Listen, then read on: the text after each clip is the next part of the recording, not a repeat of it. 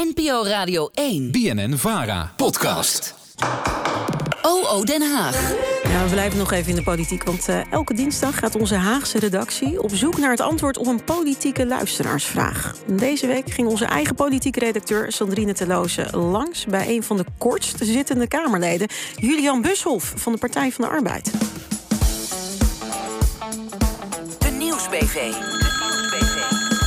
De vraag Aan Den Haag. Debatten. Die zijn er hier in de Tweede Kamer van ochtends vroeg tot avonds laat. En daar gaat deze week onze vraag over.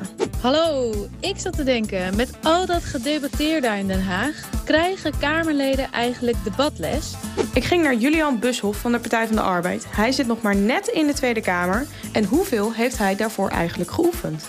Nou ja, het werk van een Kamerlid is natuurlijk super divers. En je weet ook nog niet van tevoren welke onderwerpen je gaat doen, waar je het woord over gaat voeren. Dus je kan je niet aan de voorkant heel, helemaal voorbereiden. Maar wat ik wel heb gedaan, is dat ik uh, in Groningen politiek actief was. Dat heeft me denk ik heel erg geholpen in mijn Kamerwerk nu. U zit sinds november in de Tweede Kamer. U stond natuurlijk wel op, op die lijst, dus u wist dat het eraan ging komen. Had u veel voorbereidingstijd? Kijk, ik stond op de lijst voor de Tweede Kamerverkiezingen. Dus ik had heel hard campagne gevoerd om natuurlijk in de Tweede Kamer gekozen te worden. Nou, toen viel ik net buiten de boot. Heb ik me gewoon helemaal gefocust op mijn politieke werk en mijn leven in Groningen.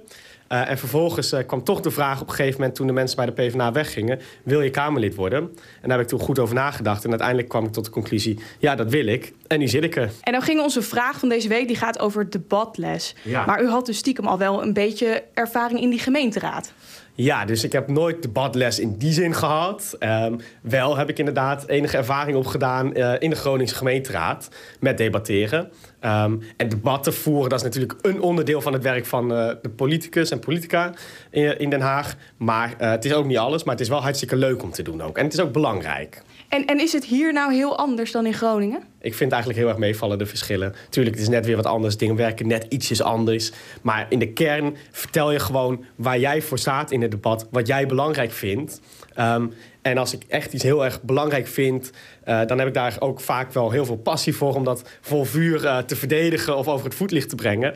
En dan gaat het eigenlijk vaak uh, vanzelf. Is het dan dus dat u eigenlijk maar wat doet? Of heeft u dan ook echt een paar tips van dat moet altijd in mijn verhaal zitten? Ja, tuurlijk. Af en toe, uh, hè, soms zoals ik net zei, ga je vol passie en vuur ergens het debat in. Omdat je iets vindt en echt ervan overtuigd bent dat het anders en beter moet.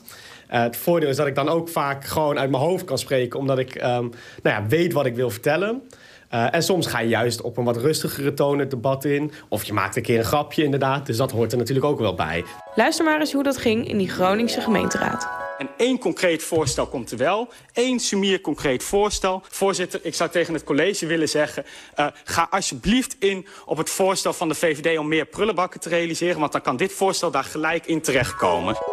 Het is een beetje spelen met woorden natuurlijk in het debat... om uiteindelijk één, heel duidelijk te maken waar jij en jouw partij voor staat.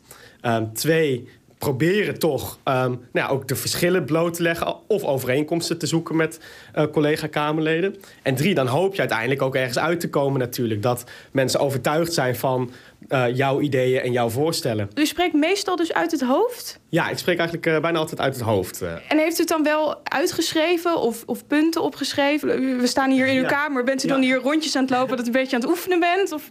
soms wel. Soms als je een heel belangrijk debat hebt... tuurlijk bereid je je dan voor en oefen je even. Maar in principe um, weet ik wat ik graag wil zeggen... en wat ik wil dat mensen meekrijgen. En hoef ik dat dan niet uit te schrijven... maar kan ik dat dan ook gewoon zo over het voetlicht brengen. Heeft u nou ook nog uh, voorbeelden? Nou, um, een van de voorbeelden is bijvoorbeeld Lodewijk Asscher... Die, de voormalige leider van de Partij van de Arbeid... die um, en ook uit het hoofd sprak. Nou, dat wil ik ook graag doen, dus dat doe ik ook. En twee, hij was ook wel heel erg scherp in debatten... en in goede vragen stellen. Maar deze premier heeft ook een probleem. Die dividendbelasting is een maatregel die niet gesteund wordt door de wetenschap... niet door het Centraal Planbureau, niet door de ambtenaren van Financiën... Niet door alle Kamerleden die hier zitten, behalve degene die zeggen... ik heb mijn handtekening gezet. Niet door de samenleving, niet door het MKB.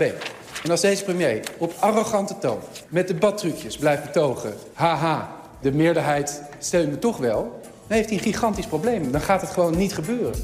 Dus dat vind ik wel een voorbeeld van een goed debate. Al dus Julian Bushoff van de Partij van de Arbeid. Heb jij nou ook een uh, vraag aan Den Haag? Mail die dan even naar uh, de Nieuwsbv, politiek, apenstaartje. En wie weet hoor jij je eigen vraag terug op de radio. NPO Radio 1.